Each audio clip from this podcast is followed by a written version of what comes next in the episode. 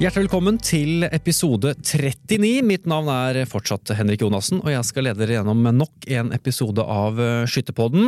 En liten påskespesial denne gangen, for jeg har fått med meg selveste Jeanette Hegg Duestad. Velkommen! Tusen hjertelig. Vi skal høre litt om hennes DFS-bakgrunn, selvsagt. Vi skal høre litt hvordan hun trener, om det er hest eller skyting som er best. Eh, vi skal få høre noen innspill fra folk nærende. Vi har til og med noen lytterspørsmål, og selvsagt skal vi snakke om den fantastiske EM-prestasjonen i Tallinn for ikke så lenge siden. Men aller først må vi spørre Jeanette, hvem er egentlig Jeanette? Jeanette er eh, 24 år gammel, kommer fra Re i Vestfold, på utsida av Tønsberg. Bor nå på Kløfta sammen med samboeren min, Henrik Larsen. Um, driver med skyting på fulltid, er fulltidsutøver og trives veldig godt med det akkurat nå. Og mm, som du nevnte, så har jeg også hest som hobby. Er, da har vi en, et, et, en paraply på Ja. og Jeanette der. Det er veldig bra. Og vi kommer tilbake til eh, mye av dette med DFS, og den bakgrunnen der er en DFS-podkast tross alt. Men vi må begynne å snakke om eh, det som skjedde i Tallinn eh, for et par-tre uker siden. Eller to uker siden er det vel blitt nå. Eh, tre EM-gull på tre dager.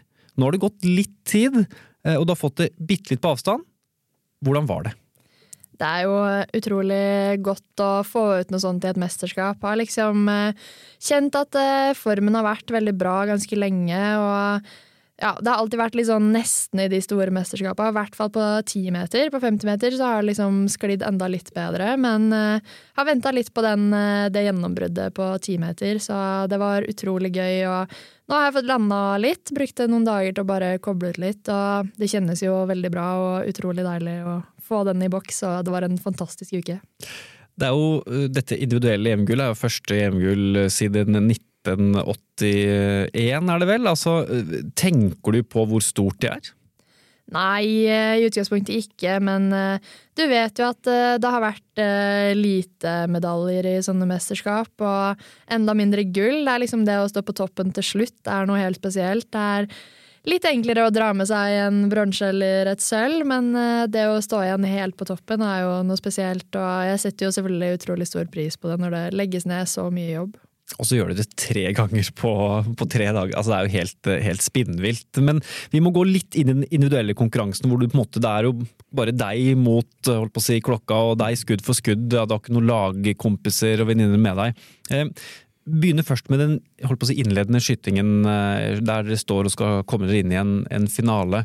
Eh, hva, hva, hva går gjennom hodet ditt? Hva er det du tenker når du skyter en sånn eh, på, på vei, For å komme deg til en gullfinale, da. hva er det som går gjennom hodet ditt da? Det er jo alltid litt sånn eh, nervepirrende. Nå var vi jo ferdig med miks dagen i forkant, så hadde en veldig god opplevelse der sammen med Jon Herman. Jeg kjente at kvalifiseringa fungerte virkelig godt teknisk, og tok med meg en følelse fra finalen at eh, jeg har virkelig lyst til å stå i den finalehallen igjen, og det tror jeg drar meg litt gjennom den innledende konkurransen, fordi jeg har så lyst til å stå i en finale. Jeg er ikke redd for å ikke stå i den, men jeg har utrolig lyst til å være der. og jeg hadde veldig god trygghet før vi reiste ned til mesterskapet, og dra med meg den og klare liksom å gjøre jobben min og stå der og faktisk kose meg litt. Og ja, når det kommer start, så er det jo alltid litt ekstra trøkk. Det kommer litt puls og litt sånn, men det er, er jeg liksom vant til å ha mine teknikker og prøve å jobbe det ned og bare finne glede i det jeg driver med. Og um, da klarer jeg liksom finne en sånn ordentlig jeger i meg og bare søke de dype, dype tierne, og jeg kjenner liksom at har bra kontroll gjennom kvalifiseringa, og da er det litt lettere å dra med seg gode følelser inn i finalen etterpå også. Man så ganske tidlig at det ble en kamp mellom deg og, og britiske Shane Mac, McIntosh, eller hun er jo skotsk i utgangspunktet, da. Um, og du var den eneste som klarte å henge med henne, for hun skjøt jo best i, i innledningen der, eller i kvalifiseringen der. Får du med deg hva som skjer ellers, eller konsentrerer du deg kun om egen eh, skyting? Eh, nei, i den helt sånn innledende konkurransen så er det ganske lett å bare fokusere på seg selv. Der prøver jeg liksom å unngå resultatlista og alt det der. Men i rankingmatchen der vi åtte står og kjemper om en gullfinaleplass, så er det ganske vanskelig å holde alt annet ute. Så der blir det mye inntrykk som du liksom er nødt til å jobbe deg litt igjennom da, mellom hvert eneste skudd, egentlig. Hvordan gjør du det i praksis? Prøver å liksom akseptere alle tanker. Eh, Det er ingenting som er dumt å tenke og ikke greit, men prøve å akseptere det. Bare tenke litt sånn fort igjennom det, og så legge det bare til side. Eh, Det er egentlig sånn jeg jobber veldig mye. Registrere det som kommer, akseptere det, og så må det legges til side fordi jeg har en annen jobb å gjøre, liksom. Men i det øyeblikket man tenker at det her er jo helt galt å stå og tenke på nå, så klarer man ikke å legge det bort på samme måte, da. Så det er en treningssak å klare å liksom ja, jobbe seg gjennom ting. Um, og så pleier jeg alltid å prøve å bruke litt sånn nerver og sånt til noe positivt. da. Jeg er jo ikke den eneste som står der og kjenner på presset, så hvis jeg har det vondt, så må det være noen andre som har det mye, mye verre. Det gjør også det gjør det faktisk hakket enklere å stå der når du begynner å tenke på at ja, hvis jeg har litt puls, så står sikkert naboen og skjelver som et aspeløv. Så Ja, Spennende. Vi kommer sikkert litt tilbake litt mer i dybden av dette, for dette her er jo kjempespennende hvordan du jobber mentalt også. Artig at du tenker at, uh, at altså, For jeg vil jo tenke at hvis det begynner å snike seg en Oi, jeg begynner nå å kjempe om en gullfinale. Så ville det vært en veldig sånn Da må jeg jo treffe disse dype tierne, da. Og det å faktisk få det til da er jo imponerende, men da klarer du å ta bort det på en måte da, inni, inni hodet, da, sagt litt sånn enkelt. Ja, altså det er jo der, i den eh, ranking-matchen, altså de første 25 skudda i finalen der, så er det jo brutalt og utrolig vondt. Jeg klarer liksom å jobbe meg ganske ok gjennom de tre og en halv første femskuddseriene. Um, jobber kun med å hente inn Shona og tenke at jeg skal ikke tape tideler til Shona. Og klarer liksom å virkelig jobbe med den der jegeren der også, da. Og um, det kjennes utrolig bra, og føler liksom at jeg har stålkontroll. Men så kommer det jo et punkt eh, som du begynner å liksom ja, Hodet leter heller bakover, da. Hvor mye har jeg å gå på til nummer tre? Og det er jo typ den kritiske fasen. Normalt sett så pleier jeg kanskje å kjenne litt på den allerede helt fra start, da, fordi man søker gjerne ok, hvor mye har jeg faktisk å gå på. Um, nå klarte jeg å holde meg tre og en halv femskuddsserie uten å tenke tanken i det hele tatt, bare jage fremover.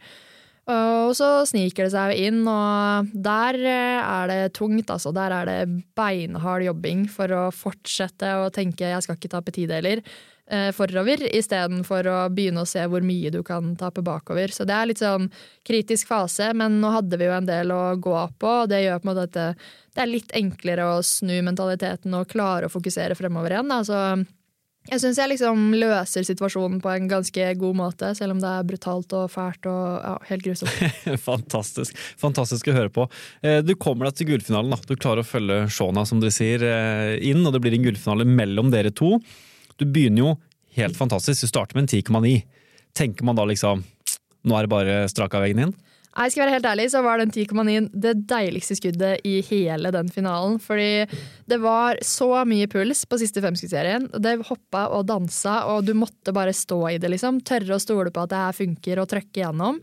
Um, og når vi da kom over til gullfinalen, kvoteplassen er sikra, gull eller sølv er sikra, så var det som at alle spenningene bare slapp. Så det var liksom et perfekt teknisk gjennomført skudd, og det å få 10-9 på skjermen da var jo helt nydelig. Så nei, det var egentlig Ja, det var utrolig deilig eh, å få den anvisninga, selv om jeg fortsatt skjønte at det kommer til å bli en beintøff finale, for Shaun har skjøt fantastisk. Veldig gøy. Alt, alt, alt, liksom var ned på det ene skuddet. Alt man har trent på, alt man har øvd på, var ned til den 10,9. Um, du sa det jo litt her før vi snakket også, eller før vi startet her, at ehm, det å stå i en gullfinale det er bare en lek. I gåseøynene, selvfølgelig, men altså da, er, som du sier, kvoteplassen til OL er sikret. Det er jo veldig gøy. Nå har vi to, to plasser til OL. Ehm, vi, eh, du har sikret en medalje. Og da er det bare til å kose seg. Det er jo det er veldig rart å høre for en som ikke driver med konkurranseskyting. Ja, altså selvfølgelig har man lyst på gull, men det er liksom mye av trøkket slipper da, når du i hvert fall er sikra medalje. Og den kvoteplassen har hengt sånn litt uh, oppå skuldrene uten at jeg har prøvd å tenke så mye på det. Så jeg kjente liksom at uh, vekta ble ganske mye enklere med en gang å takle. og i en gullfinale er det liksom ikke så farlig om du skyter et dårlig skudd, fordi du mister de to poengene som det ene enkeltskuddet gir, men du kan fortsatt hente det inn. Um, et dårlig skudd i de innledende rundene har mye større konsekvens. Så jeg elsker å stå i de enkeltskuddsduellene og de gullfinalene, fordi jeg vet at jeg kan levere gode enkeltskudd, og det er ikke så farlig om det kommer et dårlig skudd, og da er det mye enklere å bare jage videre og prøve å jakte dype tiere. Men så så skyter Shona 3-10,8, tror jeg, og du mister da seks poeng da, til henne totalt sett, vel. Um, hvordan, hva tenker du da? Og da blir det jo for så vidt timeout. Da tar vel Espen timeout, tror jeg også, treneren. Uh, hva, hvordan, hva, sier han til deg? Hvordan jobber man da seg videre inn mot, i den finalen?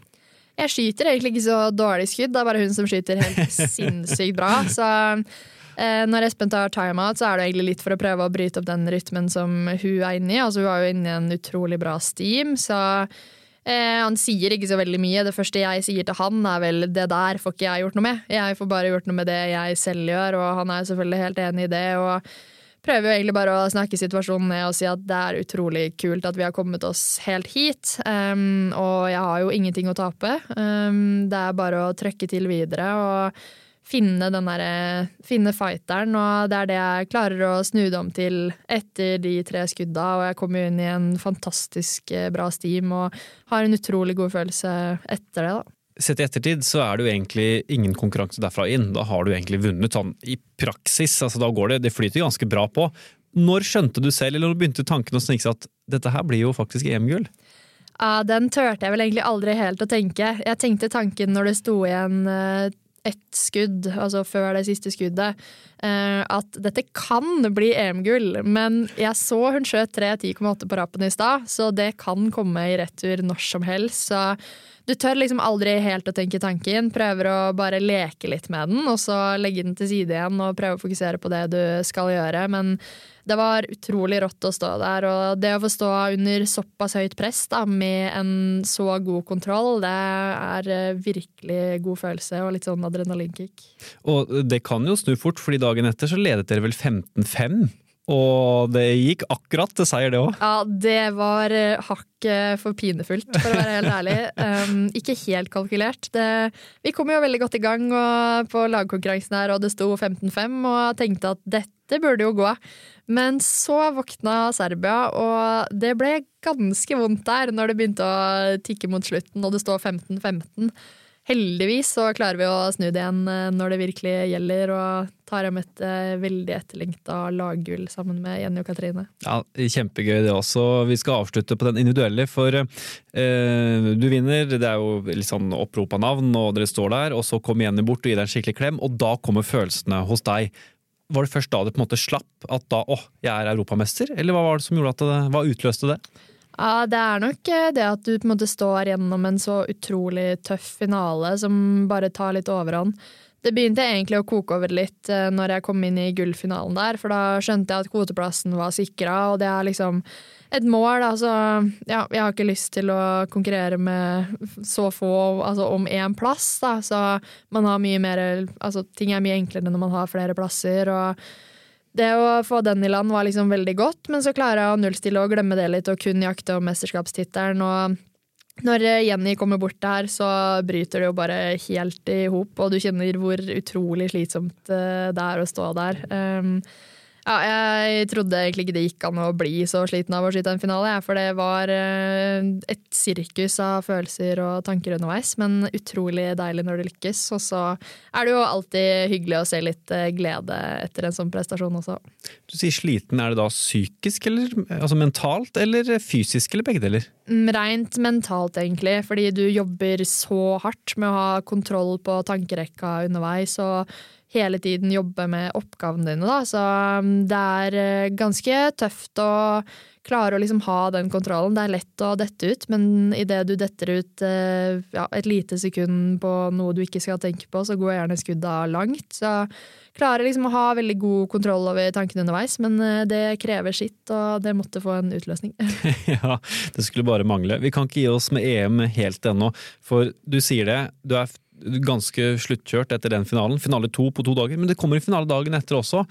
En konsentrasjonsprøve over tre dager. Hvordan nullstiller du til en ny konkurranse? Det er jo um, Altså, det er alltid litt vanskelig å klare å nullstille etter sånne prestasjoner. Um, og jeg kjente det ganske bra på innledende konkurransen på lagkonkurransen, for der var det litt trått å komme i gang, og jeg kjente først jeg var litt tung i hodet etter dagen i forkant, men eh, klarer liksom å bare stole på teknikken. Altså, jeg hadde ingen grunn til å ikke stole på den etter dagen i forkant, og prøver liksom å bare gjøre jobben min enkelt og greit. Um, jeg vet at jeg hadde med meg to andre flinke jenter òg, så jeg skulle ikke skuffe dem, og det er vel kanskje det som drar meg gjennom den dagen, da, at du tenker at dette gjør du ikke alene i dag. Du har med deg to andre som fortjener at du gir alt du har. og Jeg føler jeg klarer liksom utover dagen å hente egentlig mer og mer overskudd. Så når vi går inn i finalen, så er det nesten som om gårsdagen aldri har skjedd. Eh, ordentlig gira på å levere en solid prestasjon og gode skudd. Og, men etter den finalen, da er det jo tomt igjen, da. Så jeg syns jeg ser litt sliten ut når jeg står på pallen på det siste. Jeg har sett noen bilder derfra, det ser ikke helt bra ut. Det er helt lov, tenker jeg. Ja. akkurat da. Er det, hvordan blir dagene i etterkant da? Altså, Er du da fortsatt sliten dagevis, eller er det liksom en natts søvn, og så er du tilbake? Føler meg egentlig veldig bra dagen etterpå igjen, men eh, jeg tok eh, noen dager skytefri eh, etter samråd med trener. Og det er nok veldig nødvendig, for jeg trenger, trenger å nullstille litt og trenger liksom å finne ny guts, er vel egentlig det som er viktig. Um, Jeg vil stå på skytebanen hver dag jeg trener og levere kvalitet, og etter en sånn prestasjon så er du nødt til å liksom få landa lite grann og rydda opp i nye målsettinger. Um, For det er jo en utladning, og så det ble noen dager skytefri, men eh, sånn ellers så føles, føles det bra. Altså, det var jo en utrolig stor opptur, og det er jo veldig, veldig gøy å komme hjem med noe sånt. Det skjønner jeg veldig godt. Um, trener du og dere, da, for det er jo et lag her, selv om du står alene på den individuelle skytingen, så er det selvfølgelig et lag på lagskytingen. Uh, trener dere spesifikt på disse duellene? Vi prøver jo å trene på alle situasjoner vi kan komme opp i i konkurranse. Um, jeg er jo heldig å være en del av verdens beste landslag, vil jeg påstå. Vi har et samhold som er helt unikt, og en gjeng som jobber sammen mot uh, nye mål. Og um, det er vi helt avhengig av, så vi prøver liksom hele tiden å pushe hverandre i de duellene vi kan, og da er jo også en gullfinale en viktig del av uh, den treninga. Um, og da er vi jo veldig heldige, fordi vi har utrolig flinke utøvere som har muligheten da, til å pushe hverandre på hver eneste trening og hver økt. Det er jo et fantastisk lag Norge har om dagen, med et, eh, i hvert fall et Ole 24 som blinker der framme også. Em, em, I gullfinalen, for eksempel, da, i EM, så skyter du ofte skuddet ditt sist av deg og din britiske konkurrent. Er, hvorfor det? Det er rett og slett fordi altså, min teknikk bruker såpass med tid på hvert skudd. Jeg velger å bruke den tida jeg har til å komme meg langt nok ned. Eh, sånn, ja, få liksom eh, bli avspent og prøve å få mest mulig kontroll på kropp og hode, og det tar gjerne litt tid. Eh, Så jeg har liksom lagt meg til en teknikk og en flyt som gjør at ja, jeg bruker ca. 40 sekunder på hvert enkelt skudd. Og det gjør jo at jeg som regel alltid skyter sist, da, både på trening og konkurranse og alt. Så jeg er veldig vant til å stå i den situasjonen, selv om det kan jo være litt sånn ja, Det kan jo sikkert dra meg litt ut av fokus også, for jeg får jo alltid med meg at konkurrenten skyter, og du får som regel med deg en reaksjon fra publikum på hvordan hun eller han har skutt, da. Um, så sånn sett så kan det sikkert være litt forstyrrende også, men eh, jeg har liksom valgt å kjøre min flyt og valgt å gjøre det på den måten som ser ut til å funke best for meg, istedenfor å skru opp rytmen bare for å bli litt mindre forstyrra, for da tror jeg ikke jeg kommer meg langt nok ned. Og forstyrra, du blir ikke stressa, da? Nei, um, har jo trent veldig mye på det her og stått i situasjonen ganske mange ganger i store konkurranser også, så begynner å bli veldig vant til det. Um, men du registrerer det jo, og du registrerer at det kommer en reaksjon fra publikum, så ja, altså Man får det jo med seg. Um, og det er slett ikke sikkert at det alltid er positivt, men uh, enn så lenge så har jeg valgt å være tro til den teknikken jeg har trent opp gjennom mange år. Altså, det er den tydelige formaningen er har du en plan, følg planen din fremfor noe annet. Absolutt. Det å bytte plan i siste øyeblikk er i hvert fall en veldig dårlig idé. For um, når du har trent timevis på én oppgave og én måte å gjøre ting på, så er det ganske usannsynlig at en annen måte vil fungere bedre akkurat der og da. Men hvis det da skulle skje noe som gjør at du må inn i stillingen på nytt, da vil jo du kunne risikere å få veldig dårlig tid, da? Ja, det rekker jeg ikke. Nei. Det, det er konsekvensen her. Ja. Eh, Konsekvensen er at jeg har ikke tid til å ta opp og starte på nytt, eh, fordi da vil klokka ha gått fra meg. Samtidig så tror jeg at den tidsklemma der er litt av det som gjør at jeg klarer å skyte godt også, fordi jeg vet at jeg har ikke tid til å ta opp. Eh, så det er ikke noe alternativ å ta den på forsøk nummer to. Jeg er nødt til å ta den på forsøk nummer én. Så jeg har nok egentlig skapt en liten sånn tidsklemme for meg selv for å være offensiv og tøff nok i hodet også. For har jeg altfor god tid, så er det lett at jeg blir stående og se på tieren og se at jeg holder rolig litt for lenge. og Ser jeg at uh, blinken er rund i tre, fire, fem sekunder, så er du for seint ute og ender gjerne opp med å ta et litt mer bevisst avtrekk. da. Og da går det ut, så det må helst smelle bitte litt før jeg føler at jeg er klar for det. Og det er større sannsynlighet for meg da, å få til når jeg har lagd en liten sånn tidsklemme for meg selv. Hm. Spennende taktikk, da, vil jeg si. ja, det kan vel kanskje innimellom være hakket for spennende når klokka tikker, men eh, ja, det har i hvert fall funka for meg. Så definitivt. Vi må, jeg vil peise oss litt inn på det vi har snakket mye om. Det er egentlig litt sånn trening og sånn. Hvordan ser en vanlig treningsuke ut for deg, hvis det er mulig å si det i et så tett kampprogram som du, eller konkurranseprogram som du tross alt kan ha? Ja, en vanlig treningsuke er eh, ganske hektisk. Vi trener som regel seks dager i uka. Eh, nå kom vi jo hjem fra EM, og så hadde jeg en rolig uke resten av denne uka. Trente kun fysisk. Eh, I forrige uke så hadde vi en basisuke. Trente mandag, tirsdag, onsdag, torsdag, fredag. Så hadde vi konkurranser lørdag og søndag, som var vurderingsstevne i Fredrikstad. Og denne uka så har vi mengdetreningsuke hvor vi skyter ganske store mengder eh, med skudd og bruker veldig mye tid i stilling. Så fra mandag til fredag, så nå er det tolv dager på rappen, og så er det litt etterlengta påskeferie. Så nå gleder jeg meg stort til påskeferie, men en helt normal hverdag eh, er det trening da seks dager i uka.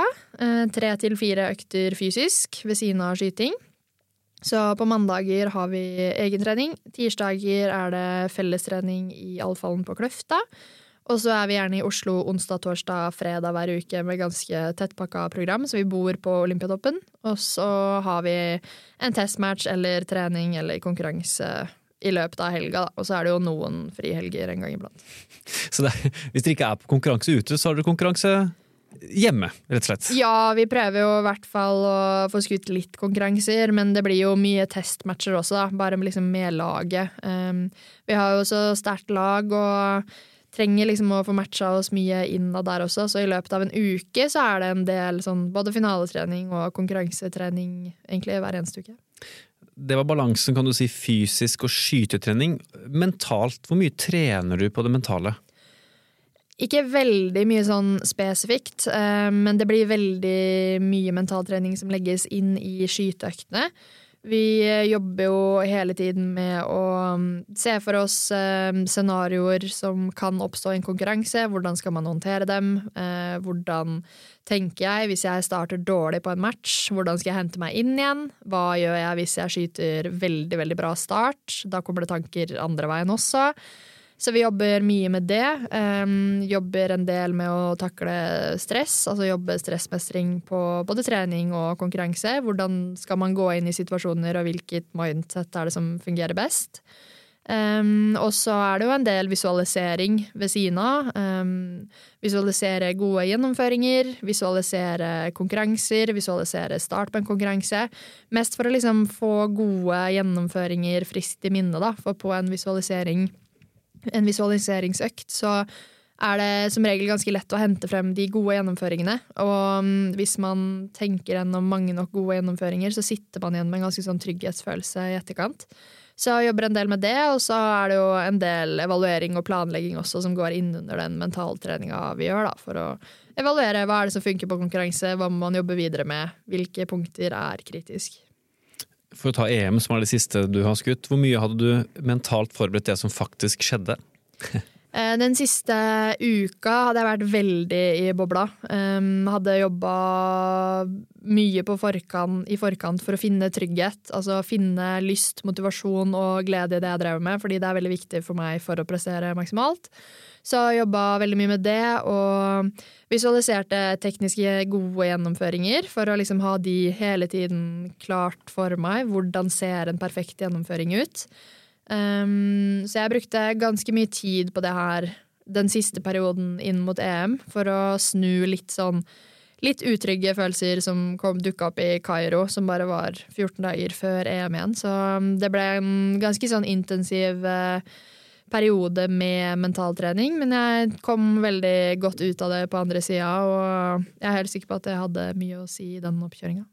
Hvilke, hvilke tanker som dukket opp i Kairo? Hva er det som endra seg? Der var det vel hakket mer sånn at jeg følte at jeg burde prestere. Um, kjente litt sånn på forventningspress og følte at det hadde funka bra på trening. Uh, uten at jeg hadde liksom sånn kjempegod følelse allikevel. Så var det gode summer. Og da blir du gjerne litt usikker på start. Og blir du usikker når det er konkurransestart, så klarer du gjerne ikke å dra ut potensialet. Fordi jeg prøver liksom å ta hakket for mye kontroll da, på det tekniske.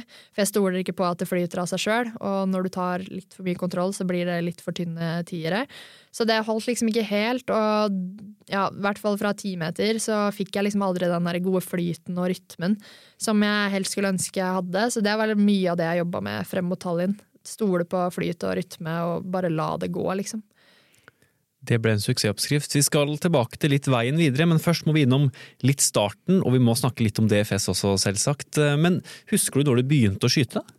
Jeg starta vel å skyte når jeg var sånn åtte år, kanskje. um, da skjøt jeg Jeg var egentlig på sånn poenglangrenn. Skulle gå en sånn liten løype, men så var det vel litt dårlig med snø, da. Så vi var egentlig klare for poenglangrenn, og så lå det en skytebane i en idrettshall rett ved siden av. Um, og det ble ikke noe skigåing, så da ble vi spurt om vi ville komme bort og prøve å skyte litt. Så vi var uh, noen venner som uh, ble med og prøvde å skyte litt. Um, dette var da i Fon. Uh, og så tok det ikke mange gangene før vi endte opp med å flytte videre til Sem, da, for der var det jo litt mer miljø og litt mer fancy fasiliteter. Men overraskende tilfeldig? Ja, det var jo det. Absolutt. Og det har gått så bra, det er jo veldig gøy, da. Um, hvordan var det å skyte i Sem, da? Skytterlaget Sem, åssen var det? Jeg har alltid trivdes veldig godt på SEM. Det har vært en eh, gjeng som har vært inkluderende fra start. Og selv om det har vært perioder som ikke det har vært liksom så mange ungdommer som har skutt, og sånn, så har det vært en veldig inkluderende senior- og veterangruppe som har stilt opp og hjulpet meg til enhver tid. Um, så jeg har satt veldig pris på den tida som jeg har hatt der. Og jeg er jo eh, fortsatt eh, skytter for SEM på DFS, og det har jeg ingen planer om å endre på. det tror jeg de er veldig fornøyd med. Ja. selv om det selvfølgelig ikke blir like mye DFS skyting nå, som du er såpass mye ute og reiser. Men hva vil du da si til de Du sier at det var ikke, det var, det var ikke alltid det var masse ungdommer i SEM heller. Hva vil du si til de ungdommene der ute som skyter? Det er ikke så mange jevnaldrende som er i, i klubben nå, men eh, de syns det er gøy. Hva er, liksom, eh, hva er, hva er gulroten de bør tenke på? Jeg tror at man henter veldig mye ved å finne, altså konkurrere med seg selv. Da. Finne egne ting å forbedre. Um, og, så lønner det seg å bli kjent med noen fra litt andre lag også. Vi var jo noen ungdommer som reiste litt rundt på stevner og ble kjent med skyttere fra andre skytterlag. Og det gjør jo at du bygger litt bånd på tvers, som gjør at du har noen andre å møte når du er ute på stevner. Da. Så jeg syns jo det er litt viktig, at man uh, blir kjent med andre skyttere også. Og da er det naturlig å snakke om landsskytterstevne. DFS sitt eget både OL-EM og VM, kan vi nesten si, for å dra mm. på litt her i hvert fall. Husker du ditt første LS? Ja, mitt første LS var LS i Voss i 2012. Hvordan gikk det? Um, jeg skjøt veldig bra på prøvestevne, husker jeg. Jeg tror kanskje jeg vant prøvestevne. Oi. Uh, og så skulle det da bli konkurranse, og da så jeg jo at jeg kunne skyte veldig bra, så da gikk det ikke så bra. Um, så det var vel helt uh, greit, men jeg husker ikke akkurat hvordan det gikk. Men det var en fantastisk opplevelse. Altså, jeg syns det var så gøy. Vi var en uh, stor gjeng fra samlaget som reiste av gårde, og ja, jeg uh, syns det var en veldig, veldig morsom uke. Da må jeg bare spørre med en gang, da. rekker du Voss i år, da? Ja, det ser ut som at jeg rekker Voss. Eh, jeg rekker ikke å trene så veldig mye før Voss. Det trenger du ikke. Men eh, skal vel kanskje rekke et par dager trening, og har fått innvilga av landslagstrener en kjapp supptur opp og ned. Så jeg har planen om å reise og skyte i Voss. Veldig bra. Fram til Voss 2023, hva er ditt beste LS-minne? Um, det må være lagkonkurransen på, i Lesja i 2015. Det var kanskje første gangen jeg virkelig kjente på den følelsen av å like trøkk og spenning. Um, LS i Sandnes i 2014, så var det også lagkonkurransen uh, som um, Ja, da skjøt jeg lagkonkurransen som eldrerekrutt. Jeg og Karoline Odne hadde starta med 200 med 20 sentrum etter våre to etapper. Um, og da hadde vi ikke så mange juniorskyttere i samlaget, uh, men da sa vi neste år. Neste år, da er vi juniorer. Og så hadde vi noen bra yngre liggende skyttere. Så neste år, LS i 2015, da skal vi stå på toppen av den pallen. Um, og det gjorde vi et år senere, og det var utrolig kult. Jeg hadde ankeretappen. Um, og de sto med 300 før jeg skulle inn, og jeg kjente at det her kokte hakket for mye. Men jeg hadde bedt om det et år i forkant. Hadde jeg sagt jeg avslutter gjerne. Jeg angra litt på det. Jeg, pappa har liksom sagt i ettertid at uh, han så jeg liksom satt og skulle gjøre meg klar, og jeg var vel egentlig likbleik og så livredd ut før jeg skulle innpå. Um, men uh, klarte liksom å ja, finne kontrollen og kjenne på den gode følelsen. Og det, når det lykkes, det var et sånt adrenalinrush som jeg hadde veldig lyst til å kjenne på flere ganger. Ja, for da er det naturlig for meg å spørre der, hva har DFS gjort eh, med deg og herdet deg som en internasjonal rifleskytter i dag? Jeg tror jo sånne opplevelser som jeg hadde på Lesja, absolutt har vært med å gjøre meg til den skytteren jeg er i dag. Eh, jeg har jo alltid trivdes veldig godt i DFS-miljøet, fordi du liksom Du har flere muligheter. Altså det er flere konkurranser og flere stevner på en dag, og hvis det ikke går helt bra, så kan du spise en vaffel og kjøre til neste stevne, og så kanskje det funker igjen der, på en måte. Og alltid følt det har vært et sånn veldig inkluderende miljø, da, hvor det er plass for alle, og det har i hvert fall jeg satt utrolig stor pris på som ung DFS-skytter sjøl, da.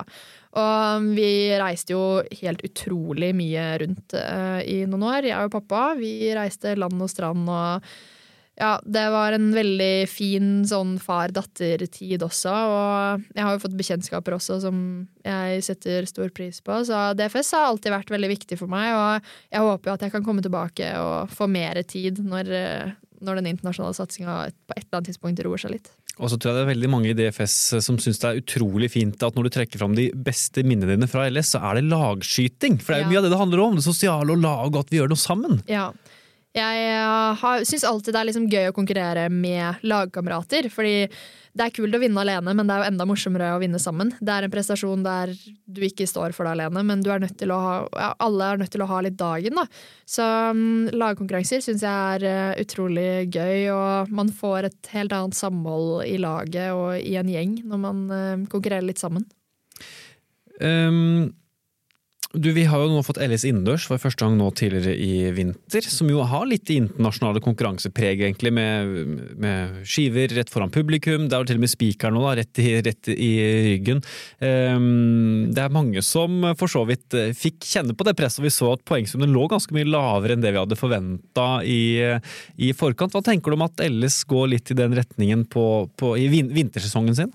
Jeg syns jo det er utelukkende positivt. Um, ja, jeg tror det er riktig vei å gå også, og man kan virkelig få kjent på trøkket, selv om eh, det er innendørs og ikke grov kaliber. Og jeg skulle gjerne ha vært der og skutt sjøl, men jeg var og skjøt eh, Bundesliga-finale i Tyskland istedenfor. Og det ble nok en litt sånn lignende opplevelse, for publikum kommer tett innpå, og du hører alt hva som blir sagt, da, så du må liksom stå i det. og du kan liksom ikke bare utelukke verken det som står på skjermen, eller prøve å lure deg selv. Det er rett og slett den som tør å kjempe på når det koker som verst, da, som står igjen til slutt der eh, med god opplevelse og gode summer. Så mm, jeg syns det er en positiv utvikling, og jeg tror det kan bli utrolig mye gøy å jobbe på den måten.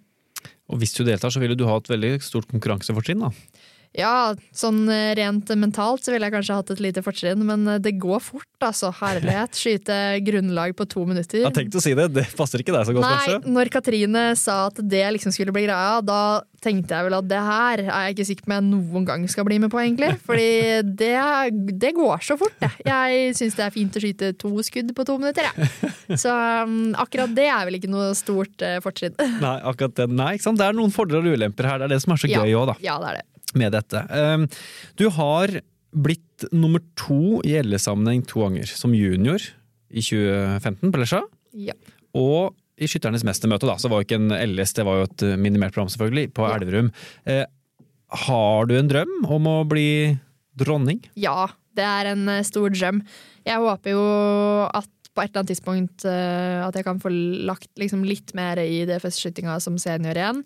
Um, og det å bli skytterdronning er en veldig sånn stor barndomsdrøm. Jeg syns jo det var kjempekult når jeg var på de første LSA mine, og se liksom en skytterkonge eller skytterdronning stå igjen der til slutt. Og kjente at det der skal en dag være meg, og så får vi se om eh, det går, da.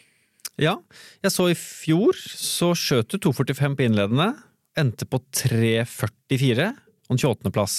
Ja.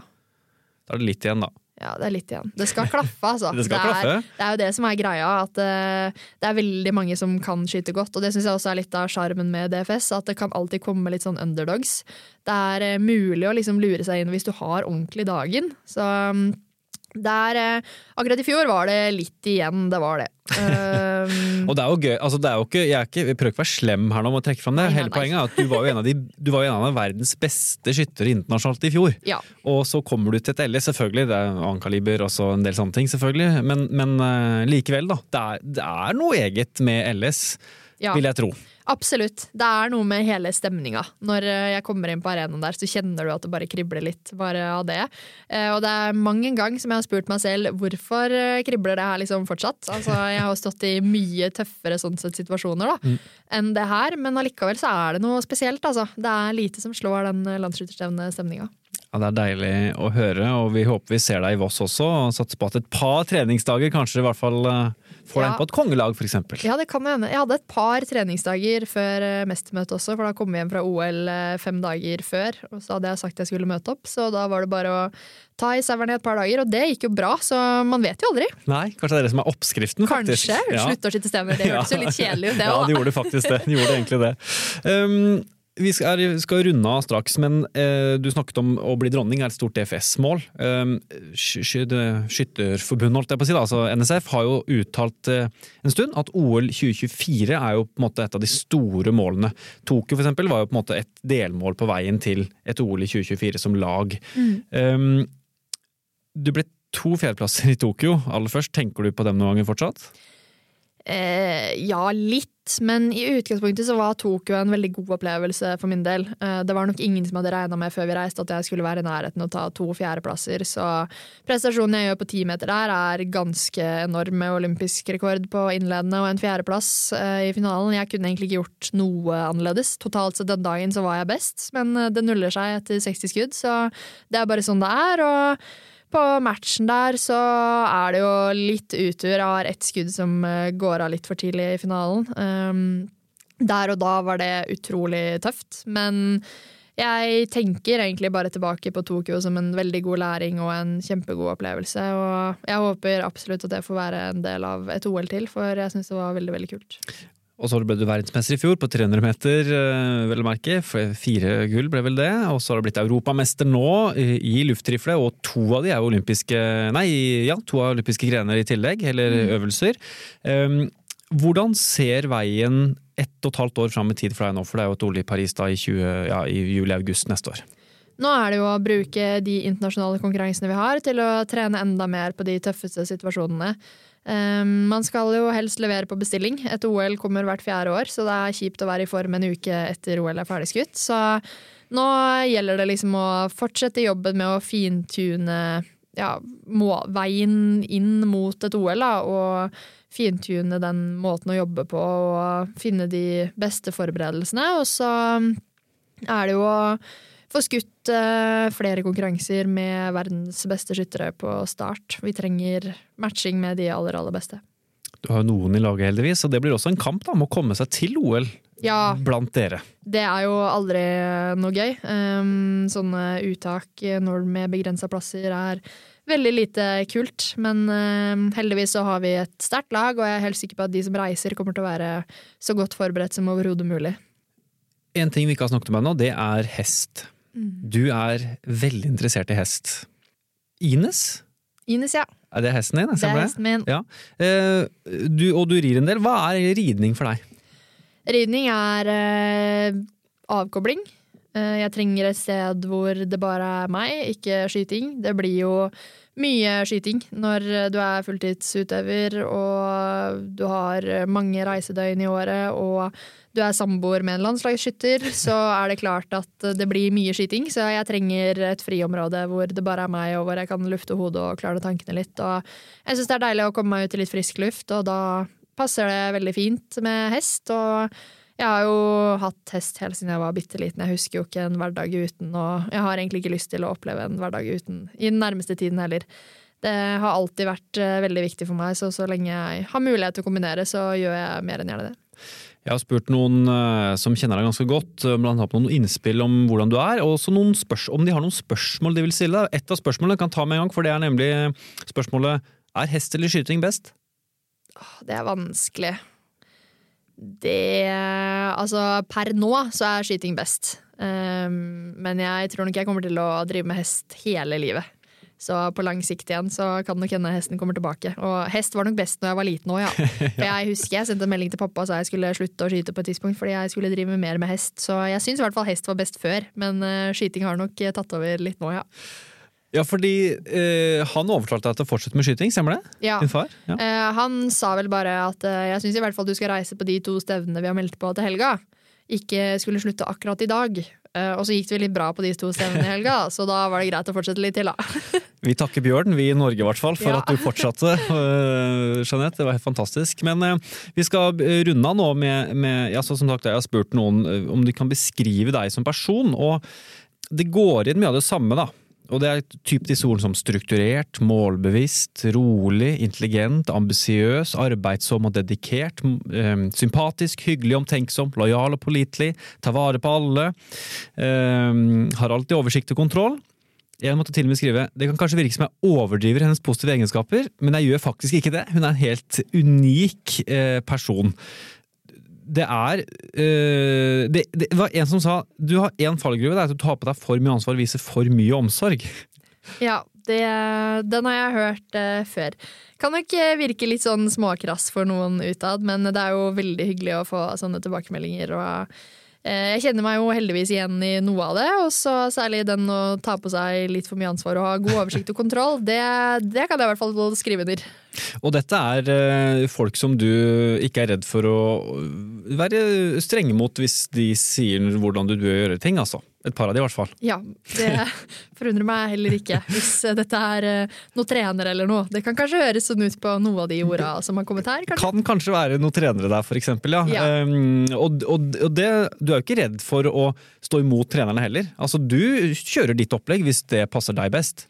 Ja, ja, altså jeg er jo opptatt av at eh, vi skal gjøre det som fungerer best for laget, men jeg har allikevel lyst til å ha et eierskap til det opplegget jeg kjører. Um, jeg eh, vil ha Altså være litt delaktig i den planen som legges, så det tror jeg jo kanskje er litt av nøkkelen til suksess òg. Man er nødt til å finne en vei som fungerer for seg, selv om man har andre man skal forholde seg til også.